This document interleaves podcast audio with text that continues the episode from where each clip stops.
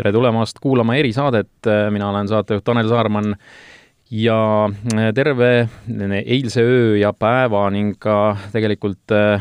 möödunud ööl möllas Eestis järjekordne torm. oleme harjunud, et neid aeg-ajalt tuleb ette ja oleme ka tänulikud, et meil ei ole selliseid suuri orkaane ja muid jubedaid loodusnähtusi, mis paljudes teistes paikades reaalsuseks on, aga äh, tihti ja, ja, ja tegelikult peaaegu alati, kui on selline äh, torm meil, siis tegelikult äh, osades majapidamistes kaob elekter mõneks ajaks, noh, iga kord on küsimus vaid pigem selles, et kui palju neid majapidi ma,, majapidamisi siis kokku on. stuudios on täna külaliseks Elektrilevi varahalduse juht Rasmus Armas, tere!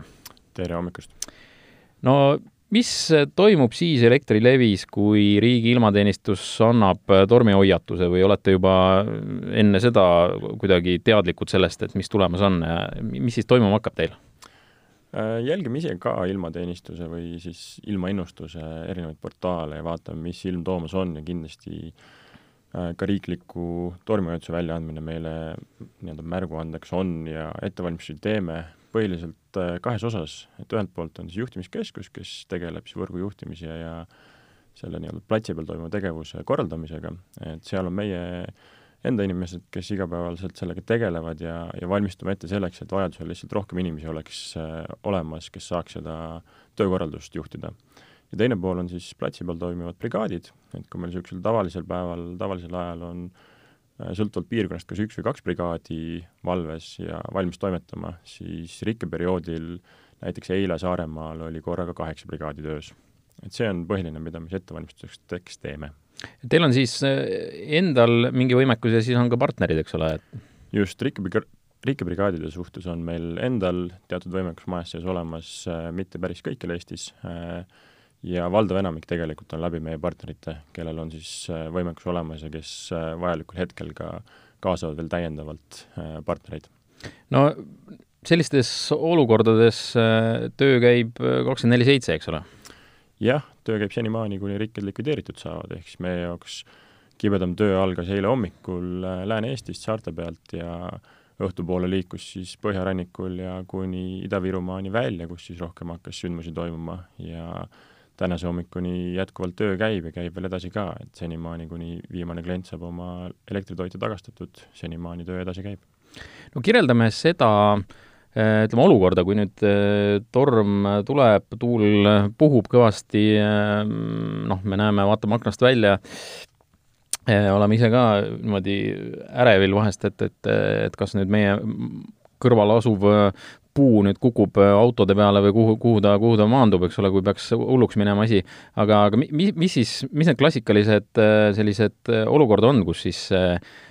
tulemuseks on elektrikatkestus, ikkagi see puuliinile kukkumine või? sellise tormiperioodi ajal kindlasti on põhiline just puudest ja okstest, nende kukkumisest liinile tekkivad katkestused, ehk siis kas see on äh, nii-öelda väikene oks, mis lühiajaliselt tekitab sinna mööduva lühise ja rikke või on see siis tõesti puu, mis kukub selle juhtme ja mastidega koos sealt maha. aga see on number üks põhjus, seda on kõige rohkem kindlasti. et äh, noh, aga mis siis, mis siis selles mõttes see tagajärg võib olla, et äh, ütleme, see vist oleneb sellest, et kuhu täpselt see puu siis äh, kukub või et, et et mis, et ütleme, selle ühe puu kukkumine tegelikult mõjutab, eks ole, mitmeid-mitmeid majapidamisi võib mõjutada, jah sõltubki, kuhu ta kukub võrgus. kui ta kukub sinna madalpingesse kliendi, nii-öelda viimase kliendi toitvale juhtmele, siis tegelikult võib-olla saabki ainult üks klient selle katkestuse. samas võib ta ka suurema liini peale kukkuda ja sellisel juhul võib seal ka olla mitusada või vahel ka rohkem kliente taga, kes saavad sellest siis mõjutatud küll aga kui ta kukub äh, suurematel toiteliinidel, siis seal alati on ka ümbertoite võimalused ja sellisel juhul me saame lülitustoimingutega seda toodet taastada, kui ta kukub väiksemates kohtades, väiksemate äh, liinide peale, siis seal üldjuhul on vajalik toite taastamiseks see rike ikkagi kõrvaldada. kas on, on teil ka mingid äh, prioriteedid paigas, et kuhu kõige enne minnakse, et, et ega ju äh, katkestus selles mõttes ei küsi, küsi päris seda, et kuhu ta parasjagu satub, et võib juhtuda, et on seal ka mõned äh, sellised olulisemad äh, hooned, mis on sellest äh, kuidagi puudutatud, et või kuida-, kuidas see otsus tehakse, et on ikka prioriteedid ja siin esimesed kaks prioriteeti tegelikult annab meile riik ette ja need on, esimene prioriteet on oht elule, ehk siis kui näiteks haiglad on ilma toitjata või sellised muud kohad, kus on selge oht inimese elule, siis need on number üks prioriteet. Sealt järgmine prioriteet on elutähtsad teenused, ehk siis igasugused veekanalisatsiooniga, kütuse või muude taoliste elutähtsate teenustega seotud kohad. ja sealt edasi siis nii-öelda majanduslikult olulised ja, ja lõpuks lihtsalt suurema kliendi arvu järgi prioritiseerime. et, et loomulikult viimaseks siis jäävadki nii-öelda kõige väiksemad ja kõige pikemad äh, kohad äh, kas saab öelda ka seda, et, et mingites piirkondades on neid äh, elektrikatkestusi tavaliselt rohkem, et, et ma ise kuidagi, minu hüpotees on, et, et just see Läänemaa Saaremaa ja Hiiumaa on, on sellised kõige enam pihta saavad, vastab see tõele või, või, või saab üldse midagi sellist välja tuua? ma pigem võib-olla ei eristaks isegi maakonniti nii väga, et kui me vaatame tõesti Lääne-Eestit ja Põhjarannikut, siis loomulikult tuultele on nad rohkem avatud, aga selle võrra on ka võrk ja ka ma ütleks, loodus ümber võrgu siis rohkem sellega harjunud, ehk siis äh, seal selline mõõdukas tuul tegelikult väga palju probleeme ei tekita. kui me vaatame vastupidi eelmist aastat, eelmise aasta lõppu ja sügisel toimunud Lõuna-Eesti stormi, kus tuulekiirsud võib-olla olid sarnased nagu eile, siis see, mis seal juhtus, oli palju hullem, kuna seal lihtsalt selliseid asju tavaliselt ei teki aga kvaliteedi mõistes või nii-öelda valmisoleku mõistes siis loomulikult äh, tiheasustuspiirkonnad on üldjuhul äh, äh, maakaabliga piirkonnad, neil juhtub vähem probleeme ja Eestis on väga palju hajaasustust, kus on tegelikult inimesi pigem vähe ja, ja seal on ka väga palju õhuliine, kus ja väga palju ka metsa Eestis, äh, mis tekitab neid probleeme natukene rohkem no see on ikkagi selline maapiirkondade mure, eks, et, et ega kui me võtame siin Tallinna ja teised linnad, ütleme linnalised piirkonnad, seal on seda omajagu vähem, eks? jah, on vähem, see on Eestis paratamatu, Eestis on võrdlemisi hea olla selles mõistes, et inim-, asustus on väga tihe või ei ole väga tihe ja, ja Elektrilevi kontekst tähendab seda, et kusagil kuuskümmend protsenti meie liinidest on vajalik tegelikult ainult viie protsendi energia kohaleviimiseks aga need asuvadki selles nii-öelda hajapiirkonnas. ja seal äh, paratamatult sündmusi natukene rohkem juhtub ja kõike seda maale viia ei ole mõistlik lihtsalt no äh, et natukene seda konteksti veel luua siin vahepeal, eile õhtuseisuga Elektrilevi äh, andis siis teada nii sellisest, sellistest numbritest, et likvideeritud kella kaheksateist viiekümne seisuga oli siis kaheksakümmend kolm riket ja elektrivarustus oli taastatud üheteistkümnel poolel tuhandel majapidamisel, selle seisuga siis oli veel ligi seal seitse tuhat nelisada majapidamist elektrita, noh, täna kõige värskem info on see, et see on omakorda veel oluliselt vähenenud sinna võib-olla kolme tuhande kanti, nii et tööd on tõesti ka öösel kenasti edasi läinud, et kas, mis need kõige sellised keerukamad olu, olukord on, et, et kas noh, mõtlen, et et seal on, on kindlasti väga erinevaid situatsioone, et, et üks olu, ühe olukorra lahendamine on, on, on lihtsam kui, kui mõne teise, et, et, et on, on olnud ka nagu tõesti väga keerulisi situatsioone, kus see, ma ei tea, see puu on kukkunud ikka väga, väga sellises kohas, kus, kus midagi nagu teha ei anna või, või päris nii ei ole mm,? kindlasti on erineva raskusastmega seis ja võib-olla kahe niisuguse niisuguse näite väljatoomisena siis äh, mis eile saarte peal juhtus, oli see, et, et äh, me pidime samas kohas ka korduvalt rikked likvideerimas käima ja ühe näitena oli äh, meie liini kõrval siis parajasti tehtud metsaraiet ja täpselt liini kõrval oli seatud nagu väikene rida puid, mis tähendas seda, et sisuliselt, kui sa selle ühe rikki sealt ära likvideerid, siis mõne aja pärast kukub see järgmine puu sealt reast, kuna kõik ülejäänud mets kõrvalt on ära võetud. Et see oli selline keeruline koht, kus, kus selle rikke taastamine oli oluliselt keerulisem kui tavaliselt ja võib-olla teine asi, mille peale tihti ei mõtle, oli näiteks äh, Kihnu saarel oli samamoodi vaja eritehnikaga riket likvideerima minna, aga kuna tuul oli tugev ja praamiliiklus tegelikult tol hetkel ei toiminud eile päeval, siis ka sinna kohale jõudmine oli oluliselt äh, keerulisem ja pidime lihtsalt ootama senikaua, kuni see tuul ära vajub ja praamiliiklus taastub. no meenub teile siin oma, oma selle Elektrilevis oldud ajast ka mõni selline, mis on see kõige, kõige keerulisem olukord on selles mõttes, et, et kus tõesti eh, noh, kõige rohkem on, on olnud neid mõjutatud majapidamisi, et, et mis, mis see kõige raskem eh, juhtum on olnud siin viimasest ajast? tegelikult väga suured tormid jäävad siin juba ütleme, kui eelmise aasta sügisetorm, mis Lõuna-Eestis toimus, mis oli ka tegelikult väga suur torm, et seal üle kokku üle peaaegu üheksakümne tuhande majapidamise sai erineval hetkel katkestuse osaliseks. selle aasta noh, nii-öelda eilse tormi juures ütleme, eile me oleme tänaseks üle kahekümne tuhande majapidamise elektritoitu suutnud taastada, ehk siis et noh, see on ikkagi oluliselt väiksema mõjuga tänaseks olnud.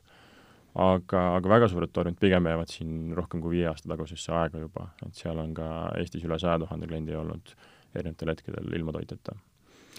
jah, no me ikka kipume vaatama äh, Soome poole, eh, kui me, kui me ennast võrdleme, et, et noh, kui me tahame ennast paremini tunda, siis, siis võime vaadata Läti-Leedu poole mingites eh, olukordades, aga aga, aga kui me tahame niimoodi eeskuju võtta, siis Soomest. Ja ega peab ütlema seda, et, et kuigi võiks, võiks ju nagu nuriseda, et, et aasta on kaks tuhat kakskümmend ja me ikkagi räägime sellistest noh, puude liinidele kukkumisest, aga ega Soomes oli olukord nüüd selle tormi ajal ka noh, ütleme, mingid sõnumid, seal olid ka kümned tuhanded majapidamised ikka elektrita, et selles mõttes me ei ela siin kuskil, kuskil nagu erilises kohas, et, et, et ka seal täpselt samamoodi need asjad juhtuvad. ma arvan, et me kannatame selle Soome võrdluse ka tegelikult väga hästi välja, et eile Soome tipphetk oli üle üheksakümne kuue tuhande kliendi oli ühel hetkel katkestusega seotud. ja see on ikkagi väga suur number meie tipphetk eile, mis tipuks jäi, oli kaheksa pool tuhat klienti ilma toitjata eks selles kontekstis ei ole ka, ka Soomega võrdlust äh, meie jaoks midagi keerulist, et kindlasti me ennast ka nendega võrdluses vaatame. ja, ja siin ma, ma arvan, et äh, eilne mõju meile kindlasti oli, oli olemas, aga just sellest tulenevalt, et tegelikult hästi palju brigaade oli samal ajal toimetamas, siis kõigis äh, piirkondades, välja arvatud Saaremaa ja Hiiumaa, tegelikult oli meil brigaade nii palju töös, et äh, rikete arv, äh, nad suutsid kõik rikked nii-öelda jooksvalt katta ja see tõi ka selle, et miks see nii-öelda üheaegselt mõjutatud klientide arv tegelikult väga suureks Eestis ei läinud. kas noh, kui va-, kui vaatame nüüd tuleviku poole, et et kuidas, kas on üldse võimalik saavutada olukorda, kus, kus meil selliste tormide puhul Äh, neid elektrikatkestusi noh, üldse ei oleks, et see on nüüd selline väga sinisilmne vaade ja, ja äh, noh, pigem me peaksime liikuma sinna suunas, et neid oleks üha vähem, aga, aga kuhu, kuhu me praegu liigume ja kas see on, on, on realistlik, et, et ühel hetkel see nii on, et me ei peagi neist rääkima? meie tormi oma igapäevaelu osaks ikkagi loeme ja selleks alati valmistume küll aga tuleb natukene vaadata ajalukku ja natukene vaadata siis tulevikku, et mis suunas me liigume äh, ajaloo poolt alustades, kui me vaatame siin näiteks ka viie aasta tagust aega, siis äh, praegusel hetkel rikete arv on kusagil nelikümmend protsenti väiksem, kui tol ajal oli, ehk siis et äh, me oleme järjepidevalt seda tööd teinud ja, ja järjepidevus ongi see tegelikult võtmesõna, ehk seda tööd tuleb teha pikaajaliselt. Eestis on väga palju võrku ja, ja selle muutmine ei juhtu lühiajaliselt, me ei tee seda aastaga või ka viiega tegelikult ümber. Äh, mida me tuleviku jaoks teeme, ongi ilmastikukindlama võrgu ehitamine, eks me tahame seda tormi mõju vähendada. Tehnosüsteemi puhul rikkeid ikka jääb juhtuma, sellest me paratamatult mööda ei saa, küll aga see tormi mõju ja see, kui suur see nii-öelda, just see nii-öelda äh, tipuhetk tuleb, see on see, mida me üritame koguse kogusega alla tuua, et rohkem kliente oleks ilmastikukindlamas võrgus, see mõju neile oleks väiksem. selleks me ehitame nii maakaablit kui ka tegelikult õhukaablit, mis on Eesti kontekstis väga hea lahendus just nendes hajapiirkondades, et äh, tänane paljasjoone asendada ja ehitada see võrk äh, sellistele olukordadele kindlamaks. No äh, võib-olla natukene, natuke täpsemalt sellest, et et mis siis, ma saan aru, et, et igal aastal seda võrku noh, uuendatakse siin noh, sadades kilomeetrites, et, et see tähendabki seda, et, et selline vanem ja, ja, ja kuidagi niisugusem äh, Äh, rohkem ohustatud äh, võrk äh, siis võetakse maha ja pannaksegi selline uuem, uuem asemele, jah? Just, et me aastas kusagil viiskümmend miljonit eurot iga-aastaselt paigutame töökindlusinvesteeringutele võrku, selle raames me siis nii uuendame vana kui ka äh, nii-öelda korrastame asju ja, ja eelmisel aastal me ehitasime üle tuhande kilomeetri ilmastikukindlat võrku juurde ja, ja samal ajal ka üle kahesaja seitsmekümne alajaama uuendasime ära. ehk siis need on need kohad, kus me saame tehagi kliendi jaoks toitekindluse paremaks ja ilmastikukindla võrgu all me mõtlemegi siis nii maakaablit kui õhukaablit. ja teiselt poolt nende alajaamade ehitamise puhul me täna väga suures osas ehitame juba kaugjuhitavaid alajaamu, mis omakorda võimaldab meile selle, et äh, kui ka rike juhtub, siis ta mõju on väiksem ja teistpidi me saame kaugelt ümberlülitamiste raames klientidele toidet kiiremini taastada see ilmastikukindel, noh, ta, ta siis ikkagi ei tähenda seda, et see päris noh, sada protsenti tagaks selle, et, et katkestust ei oleks, et ta on lihtsalt kindlam jah, ta ei, ta sada protsenti ei taga. Kui me vaatame näiteks sedasama õhukaablit, siis madalapingi võrgu puhul see võrdlus täna on selline, et kusagil äh, peast ütlen, kaheksa korda väiksem on see rikke tõenäosus, kui ta on paljusuhtmelise võrgu puhul täna ja ja see on see, mida me siin nii-öelda taga ajame, et see mõju olekski väiksem, ta ei suuda kõike ära likvideerida, aga aga ta oluliselt kasvatab seda töökindlust ja, ja see ongi selline kompromissi otsimise koht, ehk siis meie eesmärk ongi leida mõistlik lahendus, et me ei teeks seda võrku liiga kalliks, me ei teeks seda kliendi jaoks ebamõistlikuks, ebamõistlikult kulukaks, aga samas me saavutame oluliselt parema töökindluse, kui ta on täna mm. -hmm. No kui palju nüüd üks selline torm äh, ütleme, Elektrilevi poolt vaadates siis äh, seda miinust toodab, et, et noh, muidugi jällegi ta sõltub, sõltub selle,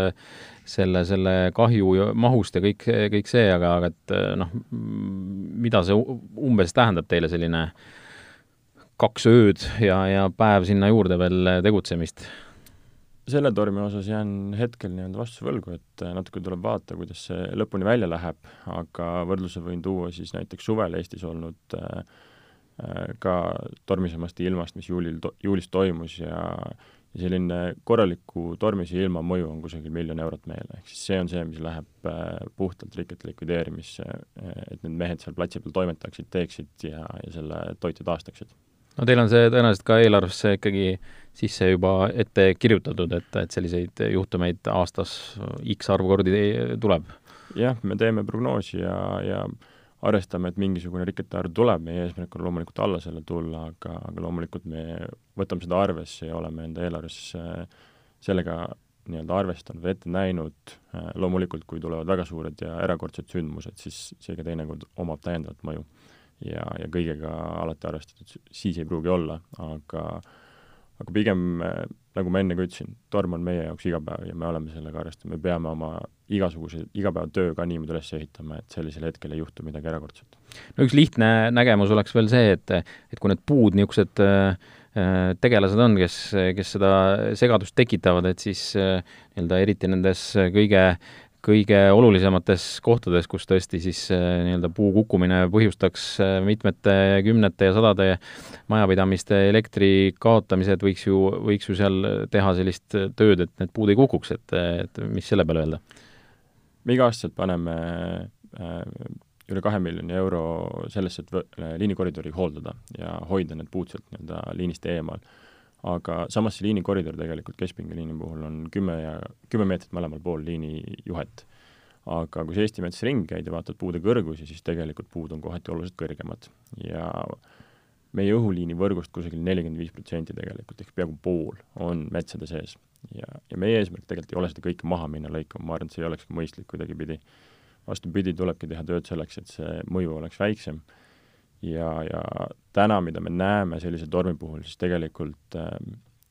enamik seda probleemi ei tulegi sellest nii-öelda liinikorist, vaid sealt väljaspoolt ja ka täiesti tervete elujõuliste puude puhul, mis lihtsalt ei, ei pea tol hetkel vastu ja kukuvadki pikali. ja, ja seda, seda nagu minna kõike maha lõikama, ma arvan, et ei oleks äh, ka samamoodi ratsionaalne. no kui tihti veel äh, tänapäeval äh, inimesed kahjutasu äh, nõuavad, ütleme, Elektrilevi käest, sest loodusnähtuste puhul seda ju nii-öelda maksma ei pea Elektrilevi, et aga on, on ikka veel neid inimesi, kes, kes nii-öelda pöörduvad teie poole, et, et soovivad, et midagi, midagi neil nii-öelda kinni makstaks loomulikult pöörduvad ja, ja neil on ka õigustatud ootus selleks ja ka isegi sellise tormi puhul tegelikult alates teatud hetkest on selleks õigustatud ootus, ehk siis et nendes piirkondades, kus tuulekiirus ja rikete arv ületab siis seda nii-öelda piirmäära ja me tormi välja kuulutame, äh, siis seal on meil aega seitsekümmend kaks tundi, et rikkeid likvideerida. peale seda tegelikult on tarbijal jätkuvalt õigus meie poole pöörduda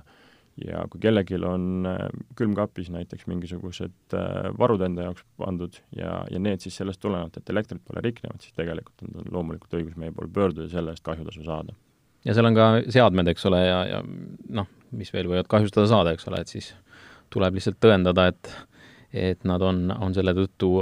hukka saanud nii-öelda. jah, absoluutselt, et kui see on ikkagi elektrivõrgust nii-öelda meie tööst tulenevalt tekkinud probleemid, siis nende puhul me ka selle hüvitise, nii-öelda selle kahju hüvitame.